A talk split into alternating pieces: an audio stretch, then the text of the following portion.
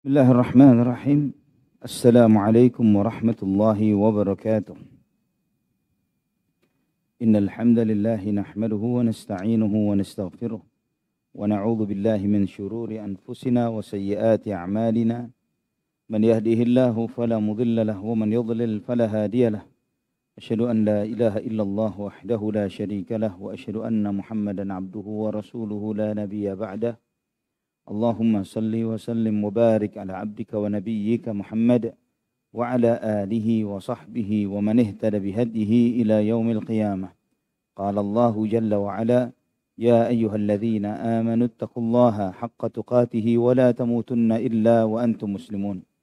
أما بعد إخوة في الله rahimani wa rahimakumullah. Alhamdulillah segala puji bagi Allah Subhanahu wa taala atas segala limpahan nikmat yang Allah berikan kepada kita. Yang telah menganugerahkan kepada kita nikmat Islam.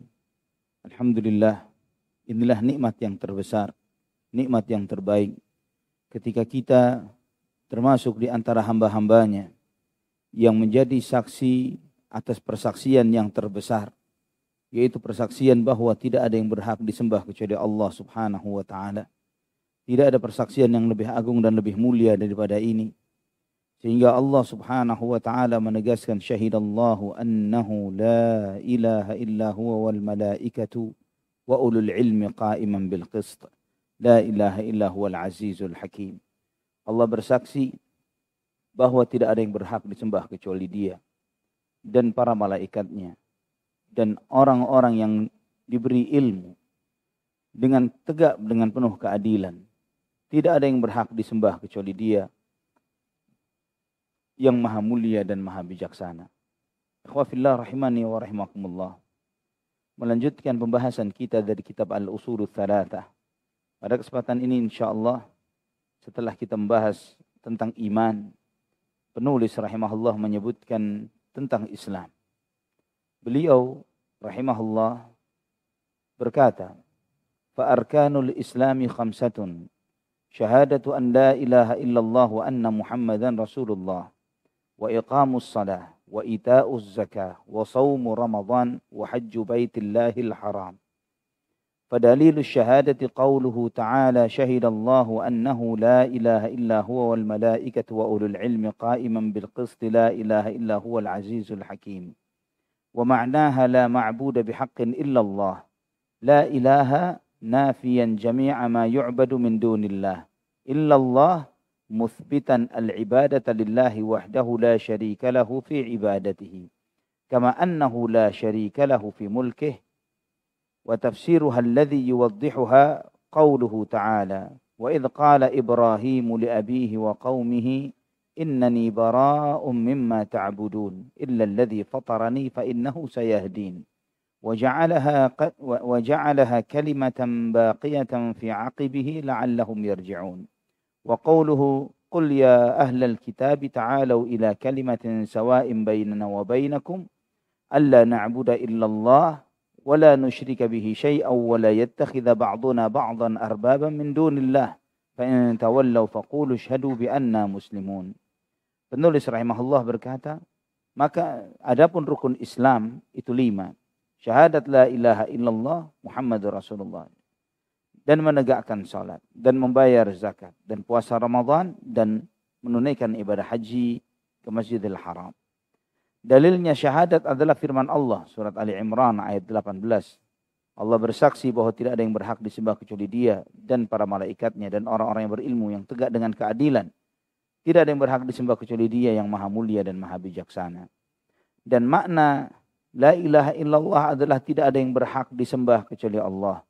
La ilaha itu menafikan semua yang disembah selain Allah. Illallah menetapkan ibadah hanya untuk Allah Subhanahu wa taala semata dan tiada sekutu baginya di dalam peribadatan kepadanya. Sebagaimana tidak ada sekutu baginya di dalam kekuasaannya. Dan penafsiran la ilaha illallah yang menjelaskannya adalah firman Allah di surat Az-Zukhruf ayat 26 sampai 28 Wa idh qala Ibrahim li abihi dan ingatlah ketika Ibrahim berkata kepada ayahnya dan kaumnya, sesungguhnya aku berlepas diri dari apa yang kalian sembah kecuali yang telah menciptakanku karena sesungguhnya dia akan memberikan petunjuk kepadaku. dan Allah menjadikan kalimat la ilaha illallah sebagai kalimat yang kekal untuk keturunannya agar mereka mau kembali. Juga firman Allah di surat Ali Imran ayat 64. Katakanlah wahai ahlul kitab, marilah kepada kalimat yang sama antara kita dan kalian. Janganlah kita menyembah kecuali Allah taala dan janganlah menyekutukannya dengan sesuatu pun dan janganlah menjadikan sebagian kita menjadi tuhan-tuhan bagi sebagian yang lainnya selain Allah. Dan jika kalian berpaling, maka ucapkanlah, saksikanlah wahai ahlul kitab, sesungguhnya kami adalah orang-orang muslim, orang yang berserah diri kepada Allah. Ikhwatal iman. Di sini penulis rahimahullah menjelaskan kepada kita terkait dengan rukun Islam. Beliau menjelaskan rukun Islam yang lima. Syahadat, Asyhadu an la ilaha illallah wa asyhadu anna Muhammad Rasulullah. Menegakkan salat, membayar zakat, puasa Ramadan dan menunaikan ibadah haji bagi yang mampu. Rukun Islam ini berulang-ulang disebutkan oleh Nabi Shallallahu Alaihi Wasallam di dalam banyak hadis. Di antaranya hadis Ibnu Umar dalam Sahih Muslim, dalam Sahih Bukhari dan Muslim, Nabi Shallallahu Alaihi Wasallam bersabda, "Buniyal Islamu ala khamsin." Islam dibangun atas lima hal. Kemudian Nabi menyebutkan syahadat la ilaha illallah Muhammad Rasulullah, menegakkan salat, bayar zakat, haji dan puasa Ramadan. Ya, di dalam hadis itu disebutkan haji terlebih dulu baru baru puasa Ramadan. Adapun hadis Jibril, ya, kita telah membahas hadis Jibril berulang-ulang. Di dalam hadis Jibril ketika malaikat Jibril bertanya, apa itu beritahukan kepada aku tentang Islam? Nabi SAW menjelaskan Islam, syahadat la ilaha illallah Muhammad Rasulullah, kamu tegakkan sholat, kamu puasa, kamu puasa Ramadan, kamu bayar haji, bayar zakat, dan kemudian kamu menunaikan ibadah haji bagi, jika kamu mampu. Ini telah disampaikan dalam hadis Jibril. Juga ikhwatal iman rahimani wa rahimakumullah. Setelah penulis menjelaskan kepada kita secara detik, secara global terkait dengan rukun Islam, baru kemudian beliau membahas secara detail yang dimulai dengan syahadat. Persyahadat persaksian bahwa tidak ada yang berhak disembah selain Allah dan ini adalah rukun Islam tertinggi, terbesar. Yang merupakan puncak tertinggi dari cabang keimanan. Yaitu la ilaha illallah. Sebagaimana hadis Abu Hurairah radhiyallahu an, Nabi sallallahu alaihi wasallam bersabda, "Al-imanu bid'un wa sab'un au bid'un wa sittun syu'bah." Iman itu 70 lebih atau 60 lebih cabangnya. Fa'afdaluha qawlu la ilaha illallah. Top levelnya iman adalah la ilaha illallah. Dan yang terendahnya yaitu membersihkan gangguan atau kotoran yang ada di jalan dan sifat malu adalah salah satu cabang dari keimanan. La ilaha illallah adalah misi awal bagi setiap muslim. Sebagaimana setiap orang yang berdakwah sebagaimana pesan Nabi kepada Muadz bin Jabal radhiyallahu an ketika hendak berdakwah Nabi SAW berpesan kepada Muadz innaka taqdumu taqdumu ala qaumin min ahlil kitab falyakun awwala ma tad'uhum ilaihi ibadatullah. Kamu akan mendatangi satu kaum dari kalangan ahlul kitab. Maka hendaklah yang pertama kamu dakwahi mereka la ilaha illallah, beribadah kepada Allah Subhanahu wa taala. Dan kalimat la ilaha illallah adalah kalimat yang paling agung, yang paling mulia, yang paling besar. Bahkan Nabi sallallahu alaihi wasallam menegaskan, khairud du'a du'a'u yaumi arafah. Wa khairu ma qultuhu ana wa, wa khairu ma qultuhu ana wan nabiyyuna min qabli. Sebaik-baik doa adalah doa pada hari Arafah. Dan sebaik-baik yang aku ucapkan dan yang diucapkan oleh para nabi sebelumku la ilaha illallah dahu la syarikalah lahul mulku wa lahul hamdu wa huwa ala kulli syai'in qadir. Ini kalimat terbaik yang pernah diucapkan oleh Nabi kita Muhammad sallallahu alaihi wasallam dan seluruh para nabi. Kalimat yang paling agung. Tidak ada kalimat yang lebih agung dari itu. Kalimat yang tal, yang paling besar, yang paling tinggi, yang paling mulia adalah La ilaha illallah. Dan penulis menjelaskan kepada kita terkait dengan syahadat. Bahwa syahadat La ilaha illallah ini adalah rukun Islam yang pertama. Bersaksi tidak ada yang berhak disembah kecuali Allah. Kemudian penulis menyebutkan dalilnya syahadat. Dalilnya syahadat beliau menjelaskan kepada kita tentang syahadat yang terbesar. Syahadat itu secara bahasa artinya persaksian. Sebagaimana kita tahu ikhwah fillah bahwa di dalam kehidupan kita sehari-hari saksi itu sudah menjadi bagian di dalam kehidupan kita. Bahwa siapa yang menyaksikan ini, siapa yang menjadi saksi akan hal itu dan terus menjadi banyak hal. Saksi peperangan di Gaza, saksi di pengadilan, saksi, selalu terus ada saksi. Dan di situ dibutuhkan adanya persaksian. Dari sejumlah persaksian yang ada di kehidupan umat manusia, persaksian terbesar adalah syahadatu an la ilaha illallah. Persaksian bahwa tidak ada yang berhak disembah kecuali Allah Subhanahu wa taala. Maka kalimat la ilaha illallah adalah syahadat persaksian terbesar yang diucapkan oleh seorang hamba di dalam seluruh kehidupannya. Dan ikhwatal iman rahimani wa rahimakumullah. Karena persaksian itu menjadi saksi akan hal yang terbesar. Yaitu tauhid. Mengisahkan Allah subhanahu wa ta'ala. Dan ini adalah persaksian yang paling agung. Maka ikhwatal iman rahimani wa rahimakumullah. Ketika kita dianugerahi untuk mengucapkan dua kalimat syahadat. Mengucapkan asyhadu an la ilaha illallah wa asyhadu anna muhammad rasulullah. Ini adalah nikmat terbesar nikmat yang paling agung yang Allah berikan di dalam kehidupan dunia. Kita dijadikan sebagai mereka-mereka yang mengucapkan asyhadu an la ilaha illallah. Ini adalah nikmat yang paling agung, yang paling mulia. Yang kita memohon agar nikmat ini terus dijaga sampai akhir hayat kita. Dan nikmat ini terus kita bawa sampai di surganya Allah subhanahu wa ta'ala kelak. Allah menjadikan kita di antara hamba-hambanya yang mengucapkan kalimat yang agung dan mulia ini. Dengan kalimat syahadat la ilaha illallah. Sehingga sebagian ulama salaf mengatakan, ma an'amallahu ala 'abdin minal ibadi ni'matan a'zama min an 'arrafahum la ilaha illallah. Tidak pernah Allah Subhanahu wa taala memberikan nikmat kepada hambanya dengan nikmat yang lebih besar ketimbang Allah memberikan kepadanya, mengenalkan kepadanya la ilaha illallah. Dan buktinya, dalilnya di dalam Al-Quran begitu banyak. Sangat banyak. Bahwa la ilaha illallah nikmat terbesar. Sebagai contoh ya khawafillah. Di dalam Al-Quran ada surat An-Nahl. Surat An-Nahl. Surat An-Nahl ini dikenal juga oleh para ulama dengan sebutan surat An-Ni'am. Surat An-Ni'am. Apa Ni'am? Jamak dari nikmat. Karena di dalam surat ini Allah subhanahu wa ta'ala menjelaskan begitu banyaknya nikmat yang Allah berikan kepada hambanya, kepada umat manusia secara khusus. Allah sebutkan betapa besarnya nikmat dari nikmat tempat tinggal, dari nikmat makanan, nikmat minuman, nikmat pakaian, nikmat beragam nikmat. Allah sebutkan di dalam surat An-Nahl. Termasuk juga obat-obatan, lebah, dan lain sebagainya, madu, dan beragam nikmat yang Allah berikan. Ini terdapat di dalam surat An-Nahl. Allah meruntutkan nikmat ini dari nikmat terbesar dan beragam nikmat di dalam satu surat ini. Jika antum membaca bahwa nikmat yang pertama kali disebut oleh Allah di dalam surat yang menjelaskan penuh nikmat-nikmat Allah Subhanahu wa taala ini adalah nikmat la ilaha illallah. Adalah nikmat la ilaha illallah. Allah berfirman di awal surat surat An-Nahl, "Ata amrullahi fala tasta'jilu. Subhanahu wa ta'ala amma yushrikun. Yunazzilul malaikata birruhi min amrihi ala man yasha'u min ibadih.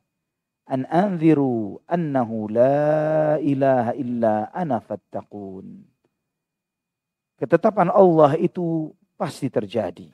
Maka kamu jangan tergesa-gesa. Allah menegaskan bahwa ketetapan Allah, keputusan Allah pasti terjadi. Janganlah kamu tergesa-gesa. Maha suci Allah dan maha tinggi dari apa yang mereka sekutukan. Allah lah yang menurunkan malaikat dengan ruh dari ketetapannya. Dengan wahyu Allah turunkan dari ketetapannya. Kepada siapa yang dikehendaki dari hamba-hambanya.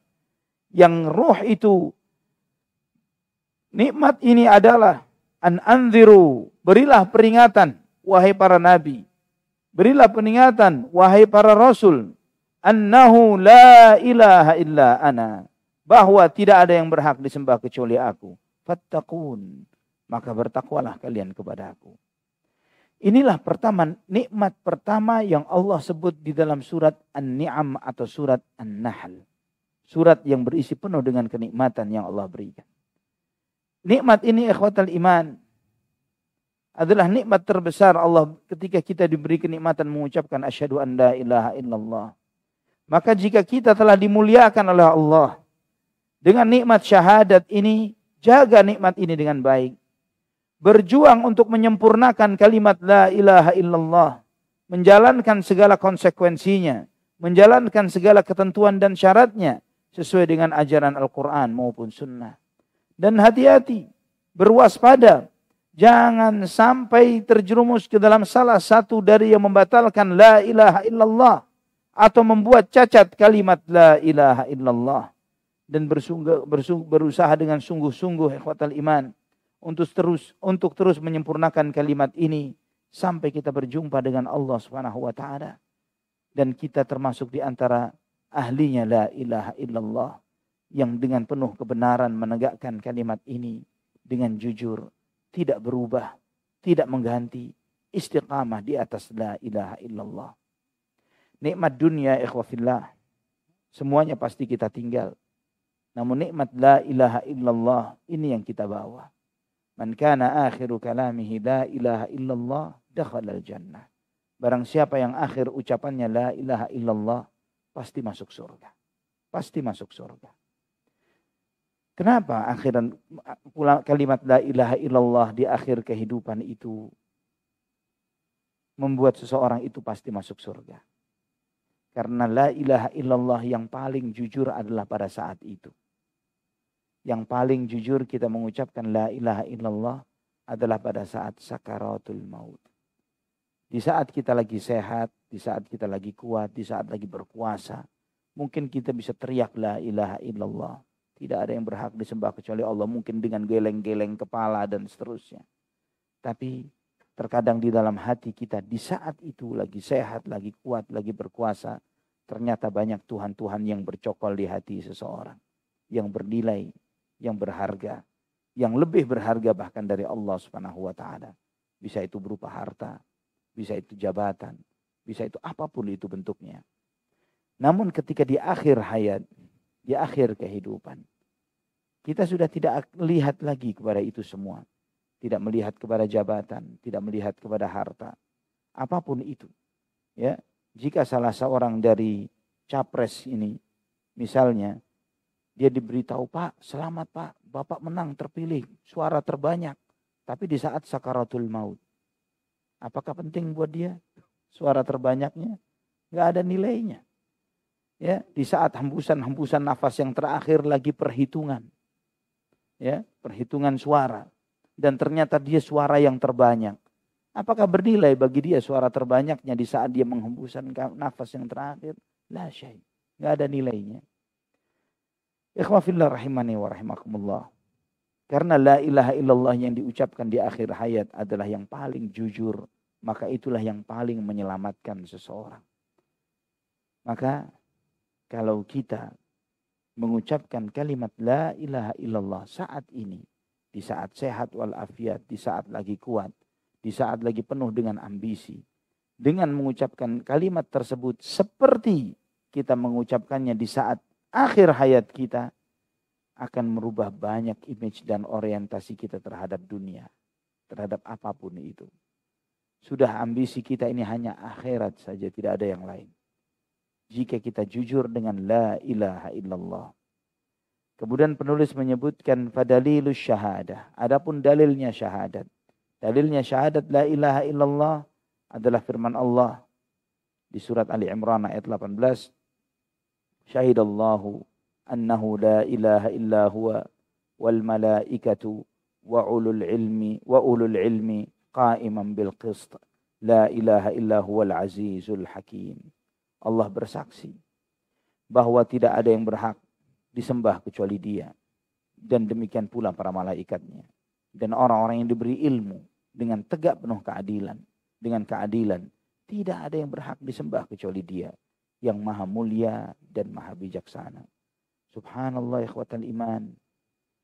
Allah menegaskan syahidallahu annahu la ilaha illahu.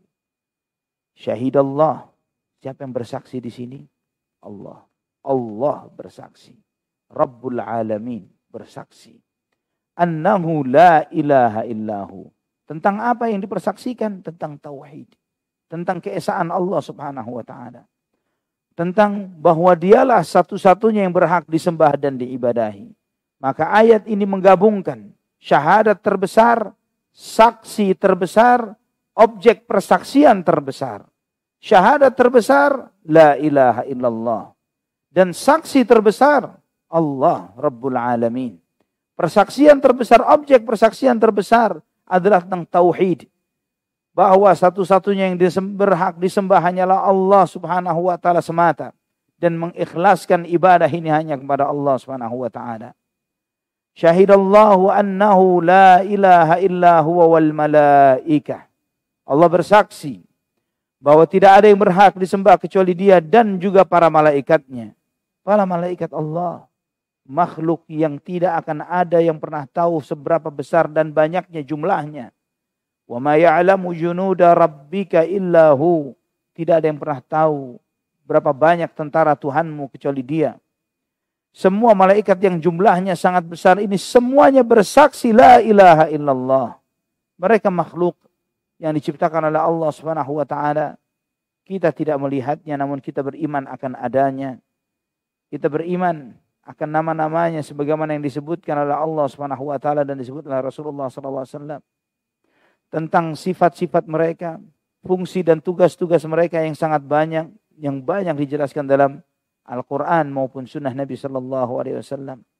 Yang di antaranya misalnya Allah berfirman di surat Ghafir ayat 7, "Alladzina yahmiluna al-'arsya wa man hawlahu yusabbihuna bihamdi rabbihim wa yu'minuna bihi." Para malaikat yang memikul arsh dan yang di sekitar yang dan yang di sekitarnya bertasbih memuji Tuhan mereka dan beriman kepadanya. Juga para malaikat yang berkeliling di sekeliling arsh. Yang sebagaimana juga di akhir surat Az-Zumar taral malaikata hafina min haulil arsh yusabbihuna bihamdi rabbihim. Dan kamu melihat malaikat ini terkait dengan nanti ketika selesai semua urusan. Ketika manusia ahlul jannah masuk surga, ahlun nar masuk neraka. Semuanya selesai. Maka semua keputusan telah di, final. Sudah tidak ada lagi penduduk neraka yang dikeluarkan untuk dimasukkan ke dalam surga. Allah menyebut kamu nanti akan melihat para malaikat yang berkeliling di sekitar arsy Allah. Mereka bertasbih. Memuji Tuhannya para malaikat yang besar ini, makhluk-makhluk yang besar ini yang disebutkan oleh Nabi Shallallahu Alaihi Wasallam salah seorang dari sifat mereka dalam Sunan Abu Dawud dengan sanad yang sahih. Bahwa malaikat pemikul arsh an uhaddithakum malakan min malaikati hamalatil arsh baina syahmati udhunihi ila atiqihi masiratu sab'imi'ati amin diizinkan bagiku untuk menyampaikan kepada kalian seperti apa besarnya malaikat memikul arsh. Bahwa jarak daun telinga sampai pundaknya jarak 700 tahun perjalanan. Daun telinga sampai pundaknya. Bagaimana wujud besarnya yang lainnya. Ikhwafillah, rahimani wa rahimakumullah. Makhluk-makhluk besar ini semuanya bersaksi bahwa la ilaha illallah. Setiap malaikat, semuanya bersaksi la ilaha illallah. Mereka semuanya tunduk terhadap la ilaha illallah. Dari seluruhnya pertama dan yang terakhir dari seluruh para malaikat. Tidak ada seorang pun dari malaikat yang bermaksiat kepada Allah Subhanahu wa taala. Dan syahadat ini syahadat yang selalu mereka tegakkan yang tidak akan pernah mereka menentang Allah Subhanahu wa taala. Semua para malaikat bersaksi akan hal itu. Wa ulul ilm dan orang-orang yang berilmu.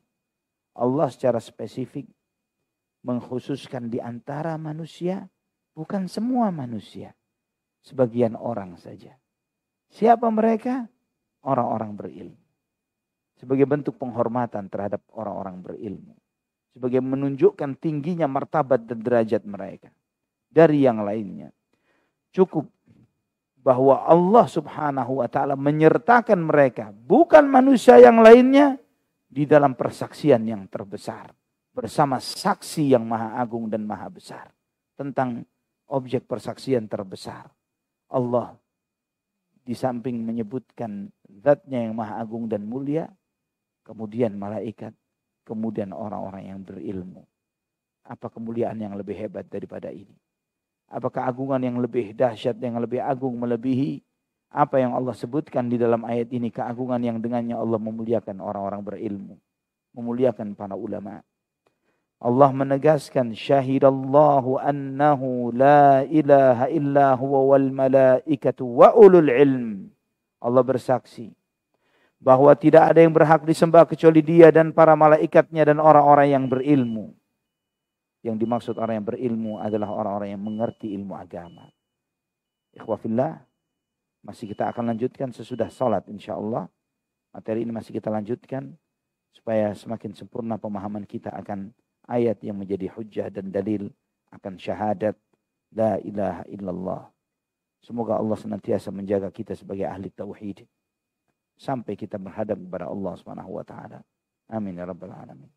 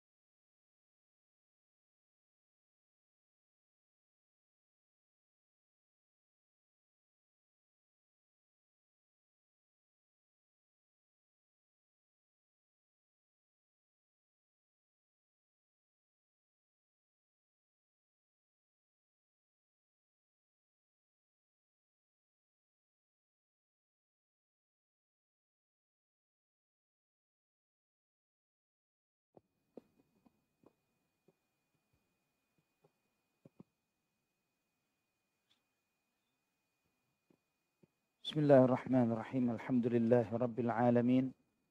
Wassalatu wassalamu ala asyrafil anbiya'i wal mursalin nabiyyina Muhammadin wa ala alihi wa sahbihi wat tabi'in wa man tabi'ahum bi ihsanin ila yaumiddin amma ba'd. Ikhwatal iman rahimani wa rahimakumullah. Ayat ini Allah Subhanahu wa taala bersaksi dengan persaksian yang terbesar, yang paling agung, yang paling mulia. Syahidallahu annahu illahu wal malaikatu wa ulul ilmi qa'iman bil qist. La ilaha illahu wal azizul hakim. Allah wa taala bersaksi bahwa tidak ada yang berhak disembah kecuali Dia dan juga demikian pula para malaikatnya dan orang-orang yang berilmu juga menyatakan yang demikian. Tidak ada yang berhak disembah kecuali Dia yang satu-satunya berhak disembah dan Allah Subhanahu wa taala Maha Mulia dan Maha Bijaksana. Yang dimaksud dengan ulul ilm, orang-orang yang berilmu di dalam ayat ini adalah para ulama. Orang yang mengerti ilmu syariat, yang mengerti ilmu agama. Setiap pujian Allah terhadap orang berilmu di dalam Al-Quran maupun sunnah yang dimaksud adalah ilmu agama, ilmu syariat, ilmu Al-Quran dan As-Sunnah. Itulah yang disebut dengan orang-orang berilmu. Misalnya Allah berfirman misalnya di surat Az-Zumar ayat 9. Qul hal yastawil ladhina ya'lamuna wal ladhina la ya'lamun. Tanyakan, apakah sama orang yang tahu dengan orang yang tidak tahu? Terkait dalam konteks ini adalah yang tahu agama dengan yang tidak tahu agama. Yang mengerti Quran dan sunnah, yang kenal Allah subhanahu wa ta'ala dengan benar, atau orang yang tidak kenal Allah sama sekali. Yang tersesat di dalam kehidupan dunianya. Atau juga Allah berfirman, Innama yakhshallaha min ibadihil ulama. Sesungguhnya yang hanya takut kepada Allah di antara hambanya hanyalah para ulama. Seperti di surat Fatir ayat 28. Siapa yang dikatakan orang-orang berilmu di sini atau ulama adalah orang-orang yang mengerti ilmu agama, yang memahami Al-Quran dan As-Sunnah. Kalau bicara ilmu agama, rujukannya Al-Quran dan As-Sunnah. Karena ketika kita bicara ilmu agama di zaman ini, banyak sekali rujukannya. Selain Quran dan Sunnah. Tapi yang dimaksud ulama adalah yang paham Quran dan Sunnah. Bukan yang jago filsafat. Yang jago, yang ahli dalam ilmu sumber rujukannya bukan lagi Quran dan Sunnah, tapi mimpi misalnya, atau wangsit misalnya, atau yang semisalnya. Itu bukan bagian dari agama. Ya, yang bagian dari agama qala Allah wa qala Rasul. Firman Allah dan sabda Rasulullah sallallahu alaihi wasallam. Misalnya juga Allah berfirman di surat Al-Mujadalah ayat 11, "Yarfa'illahu alladhina amanu minkum walladhina utul ilma darajat." Allah Subhanahu wa taala mengangkat orang-orang yang berilmu, orang-orang yang beriman di antara kalian dan orang-orang yang berilmu dengan beberapa derajat. Siapa yang dimaksud? Orang-orang adalah para ulama, orang-orang yang berilmu agama, yang paham akan syariat Allah Subhanahu wa taala, yang paham Al-Qur'an maupun sunnah. Mereka lah yang digelari dengan utul ilm atau ahli ilm, orang-orang berilmu. Adapun di luar penisbatan ini selalu disebut secara parsial atau spesifik oleh para ulama. Misalnya orang yang ahli di bidang kedokteran misalnya. Dalam ilmu bahasa Arab disebut alibun fitib. Atau ahli di dalam di dalam eh, struktur bangunan. Sebagai arsitek atau sipil misalnya. Maka dikatakan dia sebagai alimun fil handasah. Disebutkan secara spesifik di dalam bahasa Arab.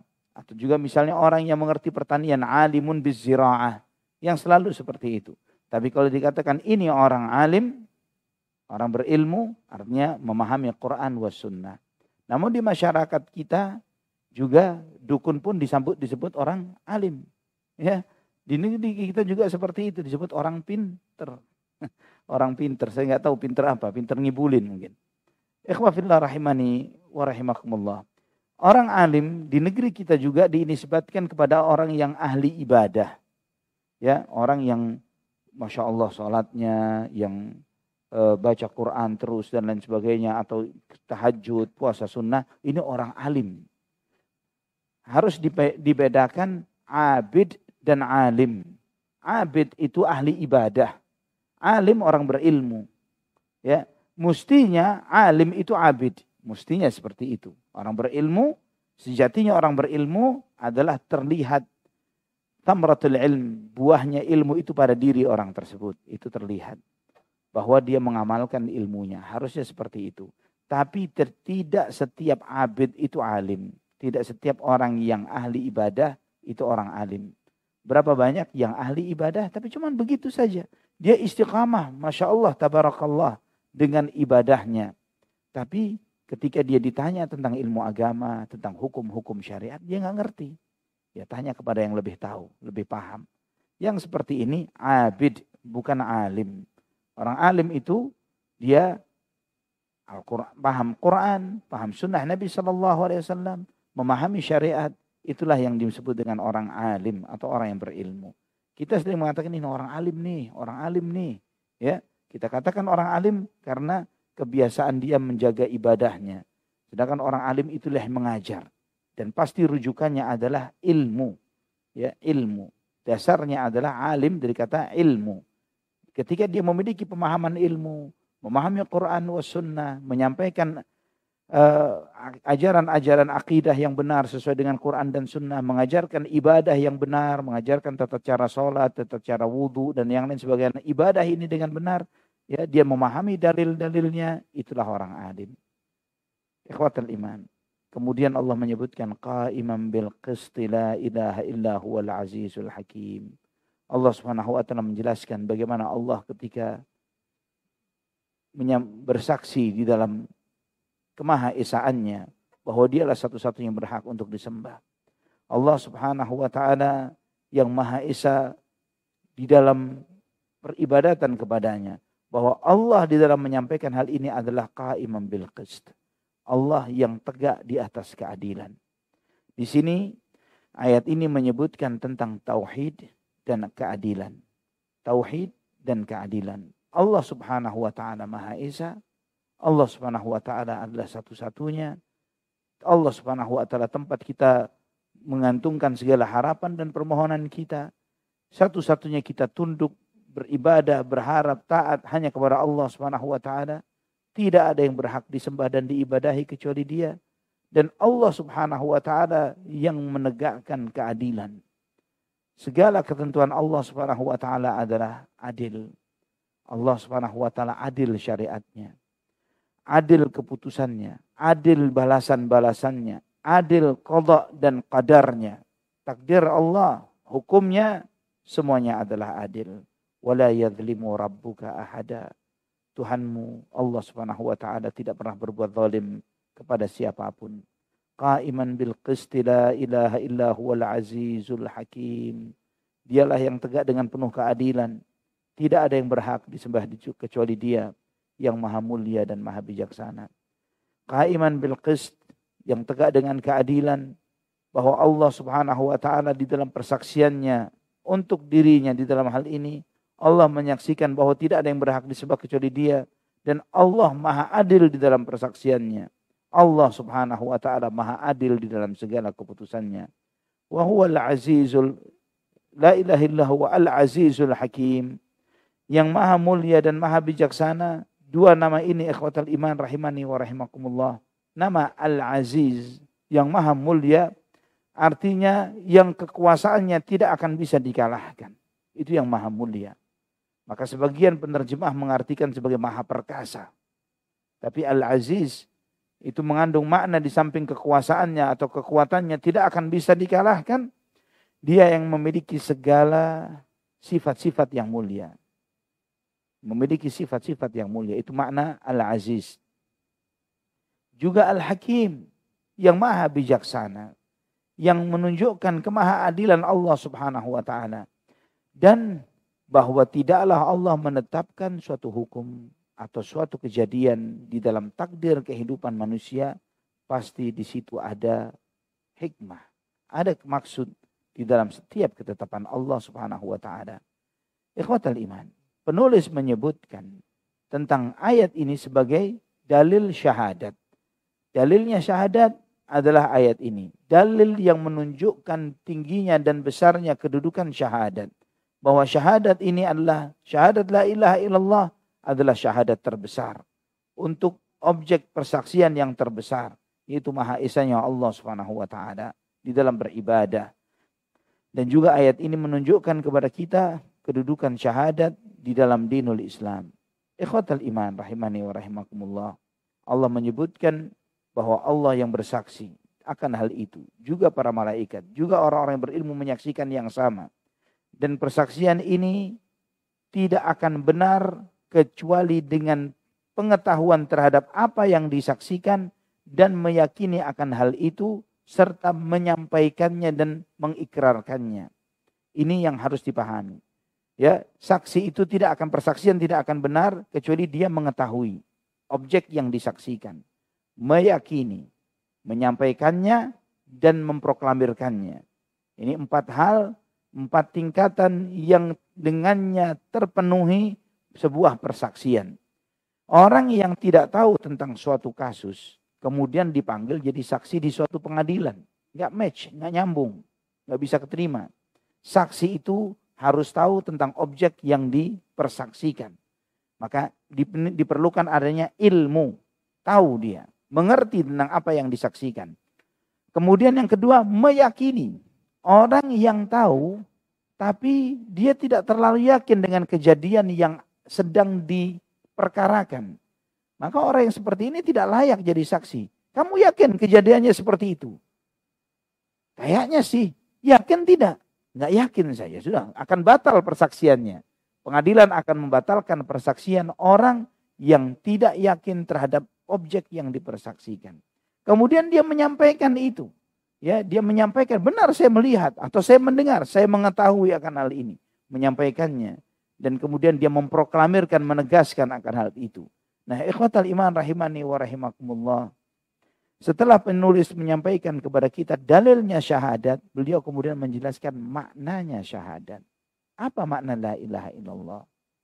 Beliau menjelaskan maksud penjelasan ini adalah supaya kita menyadari bahwa kalimat la ilaha illallah bukanlah cuma kalimat yang diucapkan begitu saja yang tidak mengandung makna, tidak mengandung apa resiko dan konsekuensi dari apa yang diucapkan. Namun namun kalimat ini mengandung tujuan terbesar, mengandung hikmah yang paling agung, tujuan yang paling besar di dalam penciptaan langit dan bumi. Bukan hanya sekedar ucapan kalimat yang kemudian orang mengucapkannya dan tidak mengetahui apa resiko dan konsekuensi dari kalimat ini. Namun kalimat ini mengandung makna yang paling agung dan paling mulia.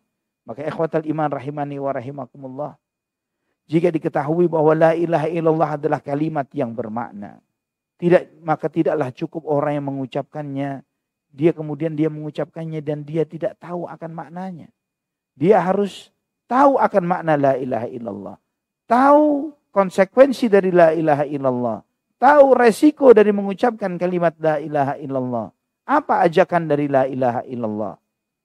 Ini sekedar sebagai contoh ya sebagian orang-orang musyrikin Quraisy mereka lebih paham akan makna la ilaha illallah ketimbang sebagian besar umat Islam.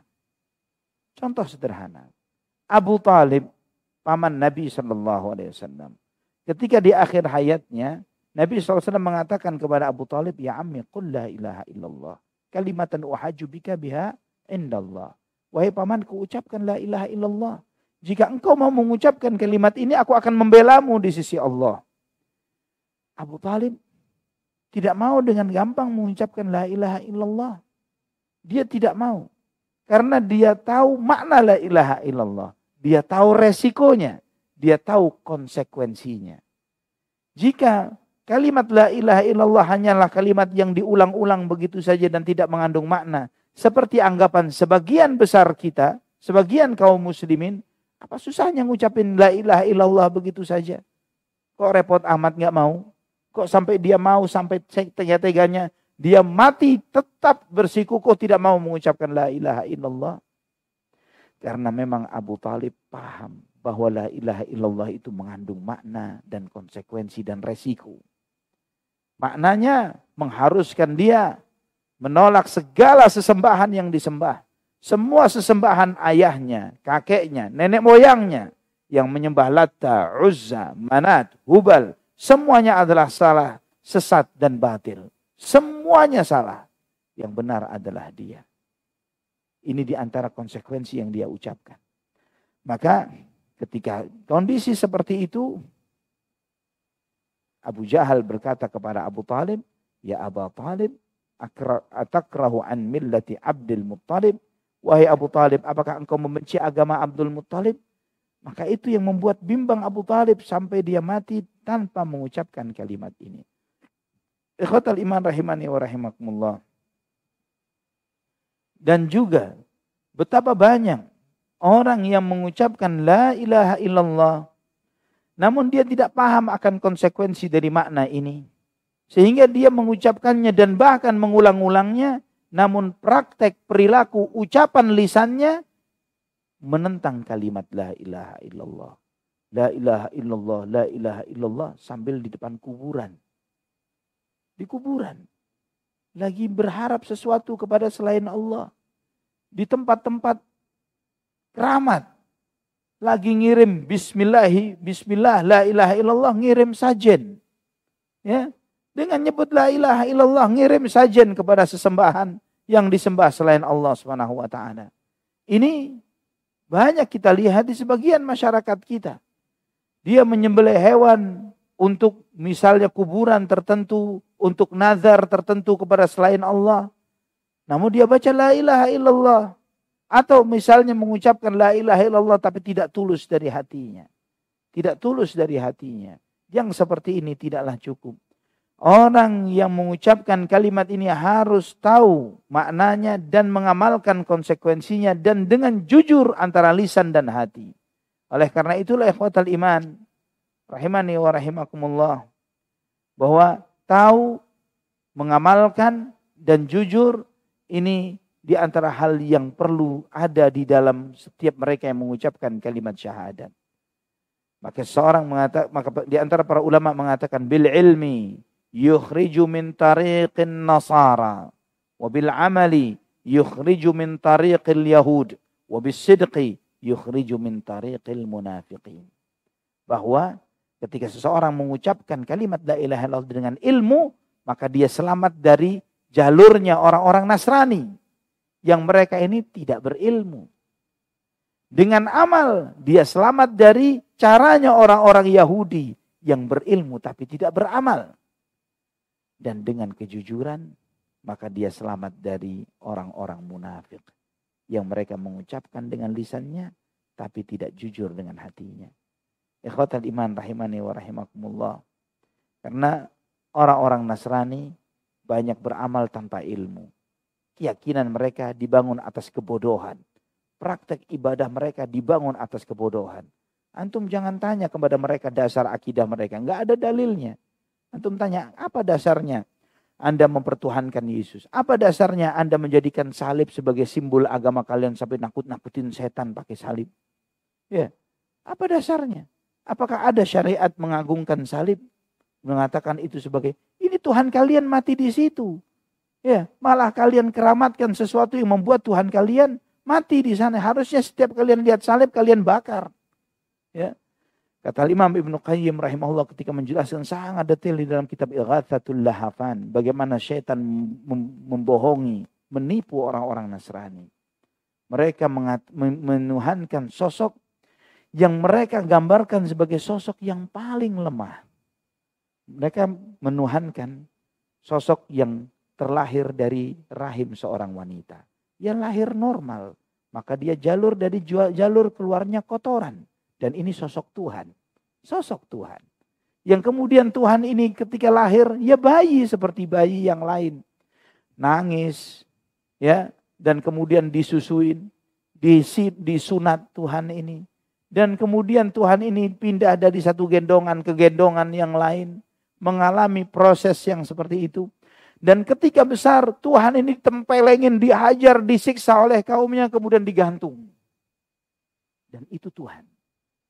Kata Imam Ibn Qayyim, Wallahi, demi Allah. Andai kata sifat-sifat lemah ini, kamu nisbatkan kepada para penyembah berhala selain Nabi Isa, mereka bakal marah jika Tuhan mereka disifati dengan sifat-sifat lemah seperti ini. Mereka tidak akan terima. Mereka pasti bayangkan Tuhan hayalan mereka ini para penyembah berhala. Tuhannya ini sakti luar biasa. Otot kawat balung wesi katanya. Iya, mereka bakal hayal seperti itu. Bukan Tuhan yang lemah. Bukan yang daif. Tapi bagaimana setan membohongi dan mempermainkan mereka. Adapun Yahudi, orang-orang Yahudi banyak tahu akan kebenaran. Tahu mereka ini benar, bahwa tahu mereka penjahat dan penipu di tanah Palestina. Mereka tahu. Ya, silakan tanya kepada yang hidup di antara mereka. Apa ceritanya negara Israel sebelum 48? Di mana kalian? Di mana kalian? Tiba-tiba kalian karena hanya ceritanya dulu 2000 tahun yang lalu atau 3000 tahun yang lalu karena kalian pernah tinggal di situ. Kemudian kalian mengklaim itu tanah kalian. Dan kemudian kalian minta legalitas internasional untuk mensupport akan hal ini. Akalnya di mana?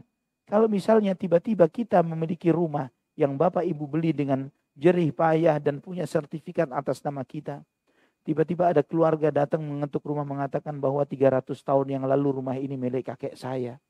Ya, maka sekarang saya minta hak terhadap rumah yang Bapak tinggali. Dan gak cukup sampai di situ. Dia datang ke polisi, dia lapor. Dan polisinya mengatakan benar Bapak ini, ini 300 tahun lalu dia memang yang punya. Hah?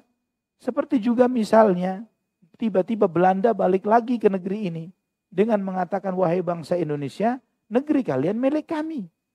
Kenapa? Kami menguasai negeri ini berapa lama?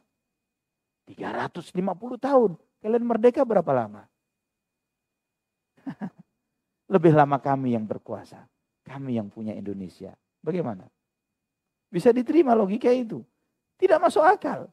Yahudi sangat paham mainan kebodohan dia. Di sini Allahu Akbar. Wala haula wala quwata illa billah. Mereka ini tahu tapi mereka sengaja pura-pura bodoh. Ya. Mereka pura-pura bodoh. Mereka menutup hati mereka. Mereka tahu tapi mereka tidak mengamalkan konsekuensi ilmu yang mereka punya. Maka muslim harus berilmu dan beramal memahami kebenaran dan mengamalkan kebenaran itu supaya tidak seperti Nasrani yang tidak punya ilmu dan supaya tidak seperti Yahudi yang punya ilmu tapi tidak beramal dan harus jujur di dalam mengamalkan harus ikhlas jujur bahwa ketika kita mengucapkan la ilaha illallah dengan lisan kita bukan cuma lisan tapi hatinya supaya tidak seperti orang munafik orang munafik itu tahu beramal tapi tidak jujur. Dia tahu Nabi Muhammad SAW itu benar. Dia mempraktekkan, berpraktek beragama seperti kaum muslimin yang lainnya. Sholat di belakang Nabi SAW, bahkan berangkat jihad bersama beliau. Berangkat orang-orang munafikin ini. Tapi mereka berupaya untuk terus menggembosi kegiatan umat Islam. Dia lisannya, lisannya umat Islam, tapi hatinya bersama orang-orang kafir tidak jujur dengan Islamnya. Maka dengan kejujuran menyelamatkan kita dari orang-orang munafik. Ikhwatal iman rahimani wa rahimakumullah. Kalimat ini, kalimat la ilaha illallah harus diucapkan dengan benar dan jujur. Maka mengerti akan makna la ilaha illallah dan kandungannya berupa ikhlas, beribadah hanya kepada Allah semata dengan segala bentuk ibadah tidak ada yang berhak kecuali hanya Allah taala. Maka penulis menjelaskan kepada kita akan makna la ilaha illallah untuk menegaskan kepada kita tidak cukup mengucapkannya. Harus tahu akan maknanya dan mengamalkan konsekuensinya. Insya Allah ini menjadi materi pembahasan kita yang akan datang yaitu makna la ilaha illallah. Itu yang akan kita bahas supaya kita tidak seperti orang-orang yang Nasrani yang tidak tahu dengan amalan-amalan mereka. Antum tanya kepada mereka semua ibadah mereka. Kenapa kok hari Ahad? Kenapa kok bangun gereja? Kenapa pakai nyanyi-nyanyi? Kenapa merayakan hari Natal? Kenapa kenapa kenapa harus pakai lonceng? Kenapa harus dan semua ini tidak ada dalilnya sama sekali. Yang penting menurut mereka baik, mereka amalkan. Menurut mereka baik, mereka amalkan. Terus demikian. Maka mereka adalah agama yang penuh dengan inovasi. Mereka melihat kalau sekarang gerejanya mulai sepi, maka mereka buat event dangdutan di dalam gereja supaya mulai rame lagi. Undang penari dangdut apa dangdut apa yang biasanya kuplu.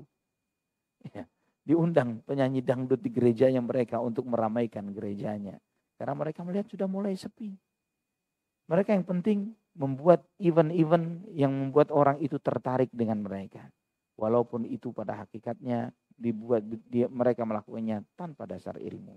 Dan jangan seperti Nasrani, jangan seperti Yahudi yang banyak ngaji, banyak belajar, ngerti banyak hal. Tapi apa yang dia lakukan 180 derajat bertentangan dengan ilmu yang dia ketahui. Dan jangan seperti orang-orang munafik. Yang mereka ini fisik zahirnya seperti umat Islam, hatinya adalah seperti orang-orang kafir. Allahul musta'an wala haula wala quwata illa billah. Aqulu qawli hadza subhanakallahumma wa bihamdik asyhadu an la ilaha illa anta astaghfiruka wa atubu ilaik. Wassalamu alaikum warahmatullahi wabarakatuh. اليوم أكملت لكم دينكم وأتممت عليكم نعمتي ورضيت لكم الإسلام دينا. اليوم أكملت لكم دينكم وأتممت عليكم نعمتي ورضيت لكم الإسلام دينا. اليوم أكملت لكم دينكم وأتممت عليكم نعمتي ورضيت لكم الإسلام دينا.